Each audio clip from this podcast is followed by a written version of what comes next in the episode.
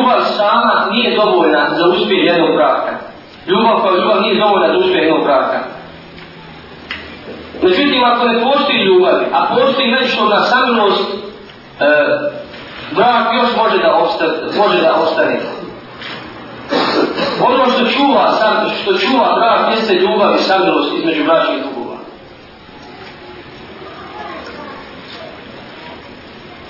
Neka statistika jeli, govori da je 88% brakova propalo i neuspjelo ako su bili samo utemeljeni na ljubavi. Znači mora da bude međusobna samilost i među bračnih dugova. Mora da se nekada čovjek smiluje ženi i da se žena smiluje čovjeku, a radi opće, opće koristi dobro biti. Zašto nije dovoljna sama ljubav, dragi braću? Zato što ljubav u početku biva jaka i bude biva ta čusta veza koja vire čovjeka žele, međutim vremeno nestaje. To što kažu, jel, ovaj naši, kada, ne, kada prođu, mla, kada prođu medeni mjeseci, tada ljubav nestaje. Međutim, nije to pravilo. Ljubav se može očuvati i do zadnjih trenutaka jel, života između čovjeka i žene. Da bi se izgradila ljubav između čovjeka i žene, naročito onim brakovima, gdje se muž i žena dobro ne poznaju, da bi se izgradila ljubav, oboje moraju da ulože svoj trud i oboje moraju da, da načine i da, da postupaju na taj način da izgrade međusobnu ljubav. Jer, među, jer međusobna ljubav među čovjeka i ženi gradi se tokom života.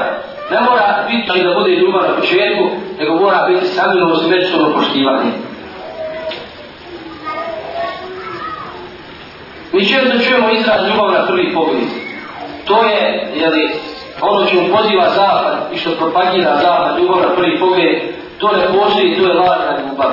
Jer ljubav, da bi bila čusta i jaka, mora da prođe vremena da se ovog temeljira i da bi našla, jeli, da bi učustila svoj korijen. Ljubav na prvi pogled je šeitanska ljubav i ona brzo ne staje.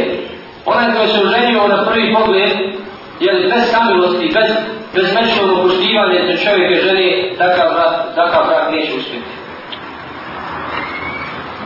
navodi jedan primjer kada je htio sam da se oženim sa veoma lijepom ženom.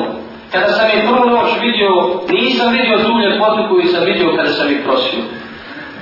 Kaže, međutim ja sam bio strpljiv i ustrajan. Tokom svog života sa ovom ženom vidio sam čudo. Postajala mi je sve draža Emilija. A uzroci te ljubavi su bili njeno redovno obavljanje namaza njena jeli blagost i njen lijep, o, o, njen lijep odnos prema meni. Ovo je jedan najsvjetliji primjer kako se ljubav gradi. Ljubav ne mora biti samo utemeljena na ljepoti, jer ako ljubav bude utemeljena samo na ljepoti, ljepota je prolazna, a samim tim prolazna, prolazna je ljubav.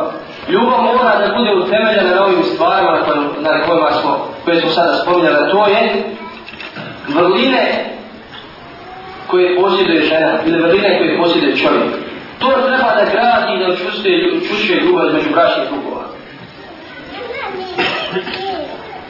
Pametna žena je ona žena koja zna kako će posijati ili kako će usaditi ljepotu u srce svoga čovjeka.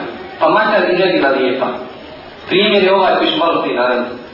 Žena svojim lijepim ponašanjem, svojim lijepim opođenjem, svojom blagošću i smirenošću može biti uzrokom da je čovjek zavoli i da njegov kraj bude sretan.